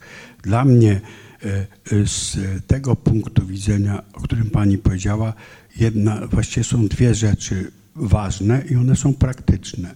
To znaczy to, że u nas edukacja jest całkowicie zindywidualizowana, oparta o testy i konkurencję. Każdy socjolog i psycholog społeczny powie, że w Polsce głównym problemem jest brak zaufania i nieumiejętność współpracy, która sięga do prawdopodobnie XIII stulecia. A wcześniej to ona była tylko na polu bitwy. Nie? Więc nie ma tej umiejętności. I te umiejętności przez jeszcze idiotyczny proces boloński nikt nie nauczy i przez testy i indywidualne działanie jest po prostu tak wdrukowane w edukację i ono jest w gruncie rzeczy nietwórcze. W grupie można nauczyć się czegoś, co pozwoli później coś stworzyć. Natomiast indywidualnie to jest dosyć trudne. Natomiast wszystko jest oceniane według tego indywidualnego. Ja zadaję studentom zadania, że mają w trzy osoby zrobić jakieś zadanie i będą oceniane. No to ktoś mówi, no tak, ale jak jedna będzie się wozić, a dwie nie, no to albo jej pozwolą się wozić, albo nie, ale to też można ocenić w jakiś sposób wkład. Natomiast tego kooperacyjnego charakteru twórczego w naszej edukacji w ogóle nie ma, tylko jest zindywidualizowany, plus testy, ponieważ sam jako nauczyciel wiem, że mniej więcej sześciokrotnie mniej czasu zajmuje sprawdzenie testu niż sprawdzenie eseju i przeczytanie go i przyniesienie odpowiedzi. W tym uniwersytecie, o którym mówiłem, to było tak, że nie było w ogóle stopni, tylko i to był kwartalny system, czyli trzy miesiące, 10 tygodni i różne przedmioty. I ja miałem potem napisać więcej na stronę o każdym studencie, opinie, jakie są silne strony, jakie słabe, na czym radzę pracować i tak dalej. I to jest zupełnie inne, ale niesamowicie pracochłonne.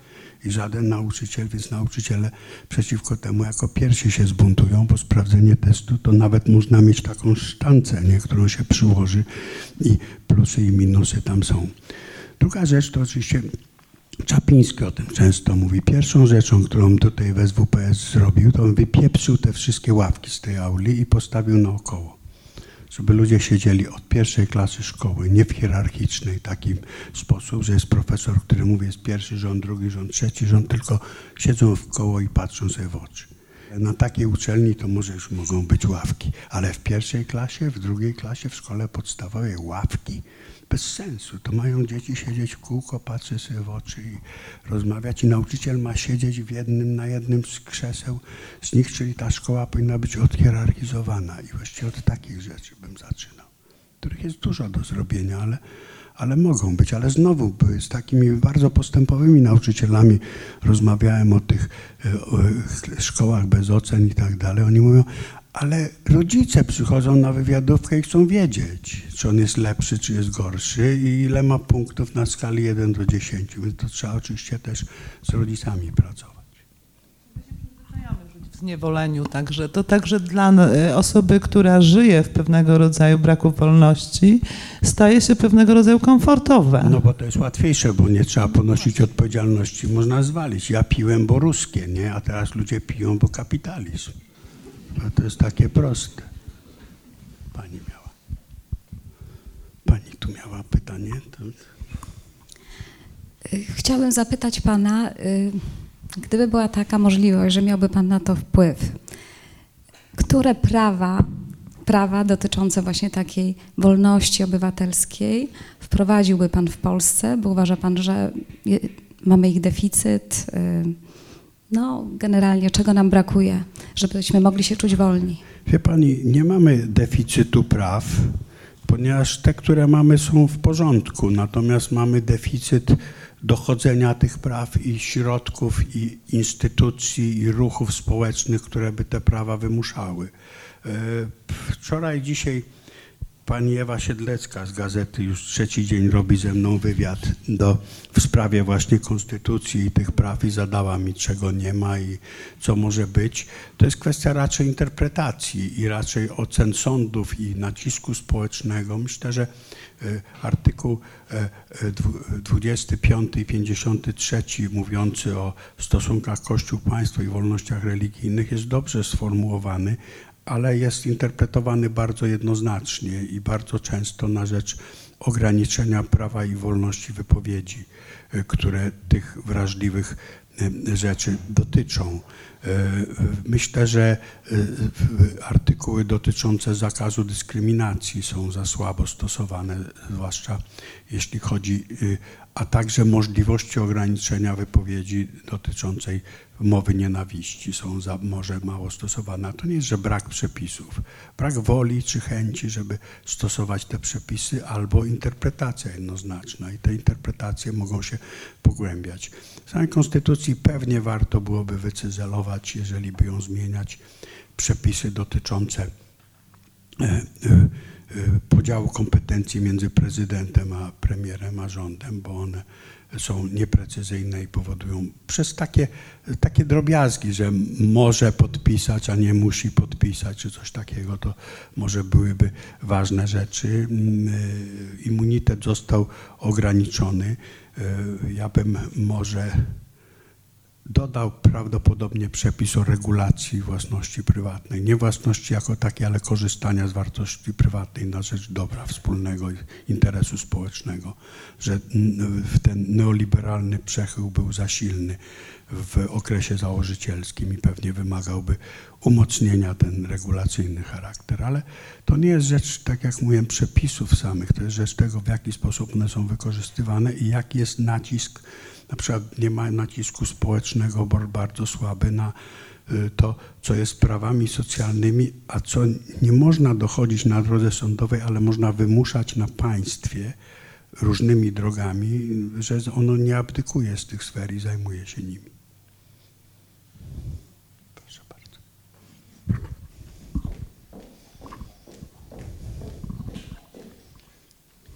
Dziękuję. E, To w świetle tego, co Pan powiedział, chciałabym zapytać e, o poczucie wolności i jakby korzystania z tych praw. e, Jeżeli w jakiś sposób zakres e, uznaje Pan za wystarczający, jak mogą e, czuć się względem równości dostępu do wolności osoby o innej orientacji na przykład, które chciałyby skorzystać z zasobu praw, który jest im niedostępny tylko z tego powodu, że są innej orientacji? Rozumiem. Wie pan, to jest tak, że znowu przepis tego dotyczący nie uniemożliwia tego.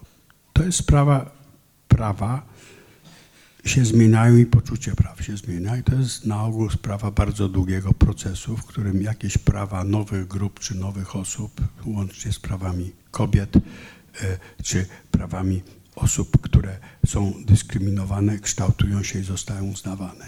Kwestia orientacji jest kwestią nowego czy kształtującego się prawa. No i był problem w czasie tworzenia konstytucji, czy przepis dotyczący zakazu dyskryminacji ma wymieniać wszystkie rodzaje dyskryminacji, które są, czy też nie.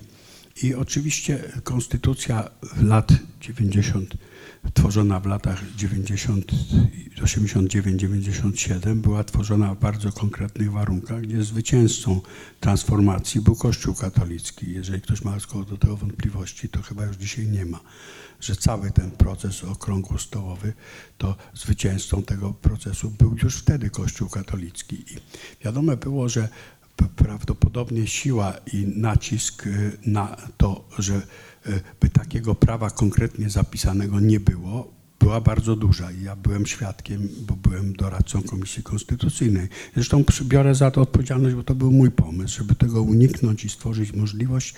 W Konstytucji jest zapisane z jakiejkolwiek przyczyny. Bo jeżeli by wymienić przyczyn sześć, a nie wymieniono by na przykład e, e, e, seksualnej, e, orientacji seksualnej, to wtedy byłoby wiadome, że ta konstytucja nie pozwala na to. Natomiast e, przy zapisie z jakiejkolwiek, przy zapisaniu z jakiejkolwiek przyczyny, to ona na to pozwala. Tylko jest kwestia, kiedy, kiedy będzie na to siła odpowiednia i możliwość, żeby to zrobić. Podobnie w przepisie dotyczącym małżeństwa i ochrony małżeństwa po przecinku jest dopisane rodzina. Pan przeczyta starannie ten przepis, ja go przeczytam, bo jest bardzo ważny, że małżeństwo jako związek kobiety i mężczyzny, przecinek rodzina, przecinek macierzyństwo i rodzicielstwo znajdują się pod ochroną i opieką Rzeczpospolitej Polskiej. Otóż po przecinku rodzina oznacza, że rodziną może być związek niekoniecznie kobiety i mężczyzny. Małżeństwem nie może być na gruncie polskiego prawa. Natomiast związki partnerskie na gruncie tego przepisu artykułu 18 są dopuszczone. Jest kwestia tego, że sądy inaczej to interpretują do tej pory, ale od, możliwość takiej zmiany istnieje, tylko jak wielokrotnie się spotykam z ludźmi walczącymi o te prawa uprawnienia i mówię, że to bardzo długo walki, i długotrwałej zmiany świadomości będzie wymagać i prawdopodobnie nastąpi, ale to takie rzeczy nie następują od razu, zwłaszcza przy stanie świadomości społeczeństwa, w którym żyjemy. Pan chce coś tu Dziękuję. powiedzieć? Proszę. Znaczy to jest, z Pana odpowiedzi wnioskuję, że chodzi o to, żeby, bo jeszcze nie, jakby pierwszy raz takie coś słyszę, żeby pojęcie rodzina y, traktować jako tak szerokie i można by było włączyć nawet związki partnerskie, konkubinaty. Oczywiście. A czy jest y, tej samej mocy definicja rodziny w prawie mm, konstytucyjnym? Mm, Bo mm, czy, czy jakby jest gdzieś miejsce, do którego można się odnosić, które definiuje, Nie. co to jest rodzina? Nie ma, ale można ją stworzyć. To znaczy, ona na pewno nie jest wyłączająca takie związki. Jeżeli jest osobno małżeństwo jako związek mężczyzny i kobiety i osobno rodzina, to znaczy, że rodzina może być czymś innym niż związek mężczyzny i kobiety. Pisał na ten temat profesor Wyżykowski, to na pewno wiem. Nie podam panu konkretnego źródła cytatu, ale jak pan w Google czy gdzieś sprawdzi profesor Mirosław Wyżykowski, to pan znajdzie. Dziękuję. Dziękuję.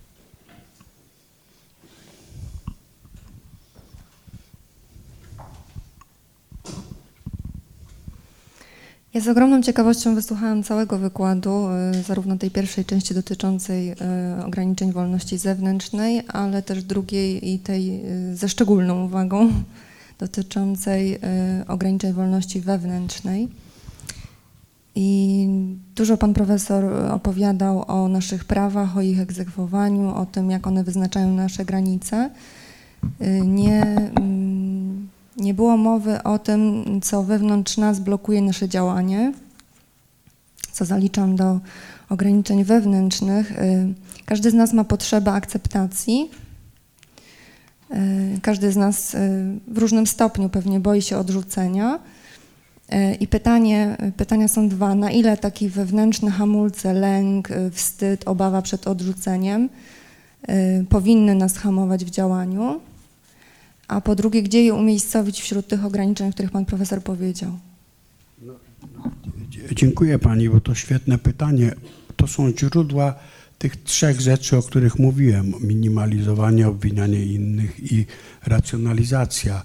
I oczywiście niskie poczucie własnej wartości, lęk przed odrzuceniem, y, y, y, potrzeba uznania. One leżą u podłoża tych trzech mechanizmów. To, co powiedziałem, to są trzy mechanizmy radzenia sobie e, z tym, o, o czym Pani mówiła i na pewno są to źródła. I jak sobie z tym radzić, to każdy na własny sposób. Wie Pani, ja mam e, takie, taki, taki sposób, że też na pierwszych zajęciach e, o prawach człowieka i o wolnościach podaję ten zegarek nie? i on jest bardzo cenny i mówię dlaczego. On rzeczywiście jest dla mnie bardzo cenny i mówię, chcesz ode mnie dostać ten zegarek i jak możesz go dostać i są tylko cztery sposoby. Nie? I potem dochodzimy do tego, jaka jest różnica między kupić czy tam odziedziczyć, czyli móc rościć sobie prawo do tego, a poprosić. I to, co Pani mówi, to wiąże się właściwie z tym, co nam, czyli niskie poczucie wartości, lęk przed odrzuceniem, uniemożliwia czy utrudnia poproszenie o coś, ponieważ przy poproszeniu jesteśmy jakby w sytuacji nierównomiernej. Pani mnie poprosi, ja mogę odmówić. Pani się tego może bać i woli Pani albo wziąć, albo rościć coś, albo zamanipulować, bo to jest ta czwarta metoda. I tutaj bardzo ważne jest to, żeby prosząc kogoś, czyli y, kiedy boimy się szalenie, p- boimy się prosić, ponieważ boimy się, że kiedy odmówię, dostanę odmowę, to zostanę odrzucony i poleci w dół moje poczucie wartości. Dlatego jak nie możemy rościć, to próbujemy manipulować. I dla mnie tutaj nauką bardzo ważną, powoli może być tylko wdrażana, ale systematycznie, to jest po pierwsze, kiedy kogoś proszę, to dać mu wewnętrznie prawo do odmowy. Po drugie, wiedzieć, że kiedy odmawia, to on nie odmawia, że nie odrzuca mnie, tylko on odmawia, ponieważ on ma jakieś ważne powody, że to jest jakby jego problem, a nie mój i nie czuć się wtedy odrzuconym. I to oczywiście jest trudne, ale można to wytrenować i można to zrobić. Natomiast nad tym, w jaki sposób pracować nad poczuciem wartości, to jeżeli dwie panie zapytały mnie o, eduk- o edukację, to bym powiedział, że to jest główne zadanie początków szkoły i pierwszego etapu nauki szkolnej, w jaki sposób budować i tworzyć i umacniać poczucie wartości i e, e, neutralizować. Nie można nie mieć lęku przed odrzuceniem, ponieważ każdy kiedyś uzyska słowo nie i każde dziecko kiedyś zostanie przestraszone i tylko trzeba nauczyć dziecko, jak sobie z tym radzić i co robić. I to, to, to wymagałoby bardzo silnych zabiegów edukacyjnych dotyczących budowy i umacniania poczucia wartości. Ja zresztą przeczytałem w życiu bardzo dużo książek, bardzo dużo akademickich książek, ale zawsze mówię, że książka, która wywarła na mnie w ogóle największy wpływ w życiu, to była dosyć popularna książka półpsychologiczna pani Susan Jeffers, która po polsku wyszła pod tytułem Nie bój się bać. Angielski tytuł jest Feel that fear and do it anyway. I ona mówi, jak sobie radzić właśnie z poczuciem własnej wartości, własnego lęku. I to jest ta edukacja, jakby, której jest bardzo mało, która jest bardzo ważna i która by odpowiadała na, te, na to pani pytanie. Dziękuję za nie bardzo. Dziękuję. A Czy mogę jeszcze kontynuować? Oczywiście. Ostatnie już pytanie. Bo Ale nie, niech pani się nie Czas się ogranicza. kończy. Dziękuję bardzo za tą odpowiedź, panie profesorze, ale nie do końca o to mi chodziło, chociaż to było To niech, wartościowe. dobra, to nie. Również dziękuję. Pani e, sprecyzuje, mogłem nie Dla mnie, zrozumieć. dla mnie z racji również wykonywanego zawodu bardzo istotna jest e, pewna niezależność, niepozwolenie otoczeniu, by wywierano na mnie naciski, po to bym ja y, mogła wydawać osądy, doradzać, oceniać stany faktyczne w sposób możliwie uwolniony od takich zewnętrznych nacisków czy, y, czy presji, czy oczekiwań. I bardziej chodziło mi o to, na ile ta potrzeba wstrzelenia się w czyjeś oczekiwania, y, czasami to dotyczy spraw zawodowych, czasami y, prywatnych, gdzie mamy mm, i wewnętrznego krytyka, i jakieś wartości wpojone przez rodzinę, na ile, to, na ile powinniśmy pozwolić, by to nas ograniczało, hamowało w działaniu, w tej naszej wewnętrznej wolności, a na ile należy jednak poddawać się temu y, i, i gdzie te y, ograniczenia umiejscowić. Bardzo ciekawe, niezwykłe, metafizyczne, bo przed przyjściem na spotkanie rozmawiałem ze znajomą panią doktor, która powiedziała o czymś właściwie identycznym, o tym w jaki sposób e, można nie mieć poczucia bezpieczeństwa, nie mając tej umiejętności, o której Pani mówi, czy poddając się naciskom bliskich osób z bliskiego otoczenia, czy ludziom w ogóle z otoczenia. Ja myślę, że znowu tutaj, że jednak i, tylko trochę przemodeluję moją pierwszą odpowiedź, bo w tym przypadku chodzi o umiejętność wyznaczania granic. Umiejętność bardzo ścisłego, rzadką, niesamowicie trudną wyznaczania granic wokół siebie. I tej umiejętności nas rodzice nie uczą, bo chcą ingerować w nasze decyzje i wybory, więc się nie uczymy. Nauczyciele nie uczą, bo też chcą nami manipulować czy za nas decydować i nie mamy tej umiejętności. I znowu, aż, aż śmieszne, bo w tejże książce Nie bój się bać są dwa rozdziały uczące tego, w jaki sposób wyznaczać wokół siebie granice. I to jest tak jak nie wiedza, tylko umiejętność, że trzeba się nauczyć umiejętności powiedzenia nie albo niedopuszczenia kogoś z jego opinią do siebie bez poczucia winy. To jest bardzo trudne, ale można się tego nauczyć. Na, na początek warto się uczyć odmawiać. Odmawiać komuś, kto coś prosi, strasznie się tego na początek człowiek boi, a potem może nawet polubić. I z tego można, no rzeczywiście, to jest potem wielka przyjemność. Ja nie umiałem odmówić, e, jak mnie ktoś prosił, żebym coś napisał. Nie potrafiłem odmówić, bo to takie ważne, cenią, doceniają, chcą, żebym napisał. Byłem niewolnikiem, tu w głowie miałem bez przerwy, że muszę pisać. A od trzech lat postanowiłem w ogóle przestać pisać i uzyskałem niesamowitą wolność i z wielką przyjemnością odpowiadam. I zresztą miałem niedawno takie zdarzenie, bo bardzo wybitni dwaj filozofowie prawa zwrócili się do mnie, żebym coś napisał do książki zbiorowej. Ja odpisałem, że to wspaniały temat, że ciekawa będzie książka, że chętnie ją przeczytam, ale trzy lata temu, kiedy e, przekroczyłem e, symboliczny wiek 67 lat, postanowiłem w ogóle przestać pisać i mój, mój gross individual happiness, moje szczęście osobiste tak ogromnie się w wyniku tej decyzji zwiększyło, że nie widzę siły ludzkiej ani boskiej, która pozwoliłaby mi ją zmienić. I to wysłałem ten list. I obaj mi osobno napisali, że strasznie mi zazdroszczą i że też chcieliby to zrobić. To powiedziałem trochę żartem, ale rzeczywiście to wyznaczenie granic to jest znowu umiejętność. To jest umiejętność, którą warto uczyć dzieci, warto uczyć się samemu, jeżeli myśmy się w zasadzie w moim pokoleniu prawie w ogóle nie nauczyli. I ona po prostu pozwala poradzić sobie z tym, o czym pani i za pierwszym, jak się orientuję, i za drugim razem mówiła. Znowu nie odpowiedziałem? To idziemy dalej. Nie, dziękuję bardzo. Teraz to było w punkt i gdybym mogła tylko poprosić o powtórzenie tytułu tej książki, to będę wiedziała. Nie bój się bać. Susan Jeffers, E J-E-2-F-E-R-S. Wydało wydawnictwo Akuracik w Polsce. Nie bój się bać. To trzeba przerobić, to nie trzeba przeczytać, tylko przerobić. Tam są na przykład takie zadanie, które ja pół roku mi zajęło, żeby spojrzeć w lustro i powiedzieć 50 razy, trzy razy dziennie, że siebie kocham. I tam mówiłem, no mówiłem, że siebie lubię albo coś takiego, bo wydawało mi się, że kochać to można, mm, e, ja wiem, Matkę Boską, mamę, e, rodziców, e, żonę czy kogoś, a że siebie to nie, bo to jest egoizm. A potem jakiś kolega, który to zrobił, powiedział, ale tam jest napisane w Biblii, kochaj bliźniego swego jak siebie samego, a nie bardziej. No i od tego zacząłem. Mamy jeszcze jedno pytanie. Jeszcze ja mam jedno pytanie dotyczące uzależnień. Mam doświadczenie z młodzieżą, która w tej chwili ulega modzie na palenie marihuany. I tak jak to kiedyś powiedzmy był alkohol, to teraz jest palenie marihuany. I y, dają sobie prawo do tego, żeby mieć wolność w paleniu marihuany i jakby uważają, że zabranianie im tego to jest zniewalanie ich.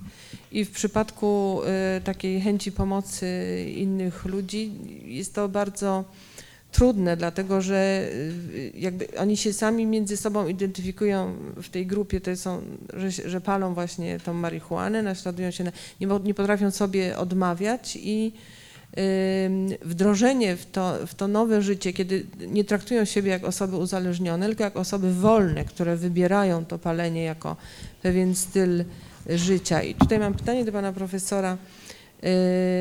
Co, co może ten człowiek z zewnątrz, w jaki sposób może jeszcze inny pomóc y, y, młodemu człowiekowi w tym, żeby y, żeby nie brnął w, coś, co uważa jako wolność, ale de facto jest to zniewoleniem z punktu widzenia dorosłego człowieka. No, taka różnica między tym a wolnością alkoholu, który powoduje bez porównania większe i szersze szkody niż marihuana, taka sama. To jest to samo, że brnie i w jaki sposób pomóc albo nie. Wie pani, to jest parę rzeczy. Nie każdy, kto pije, staje się alkoholikiem. Nie każdy, kto zapali marihuanę, staje się od marihuany uzależniony. Na pewno Ja uważam za zbrodnię karanie więzieniem ludzi, którzy palą marihuanę. Powoduje to bez porównania większe szkody niż marihuana cała razem wzięta. Powoduje to korupcję systemu y, y, sprawiedliwości, wymiaru sprawiedliwości, systemu wykonywania kar i tak dalej. Więc tu nie mam co do tego żadnych złudzeń. Natomiast y, jestem zdania, że środki tego rodzaju to nie, nie jest wybór między więzieniem a dopuszczeniem ich do rynku, tylko środki, które są szkodliwe, są regulowane i znowu jest regulacyjna rola państwa i takie środki mogą być regulowane i dostęp może być regulowany. Najlepiej byłoby zresztą, gdyby dystrybucją narkotyków zajmowało się państwo, a nie prywatne podmioty, tylko w bardzo uregulowany sposób i są pomysły, jak to zrobić. One byłyby sprzedawane w aptekach i byłoby to i by dużo mniej szkód.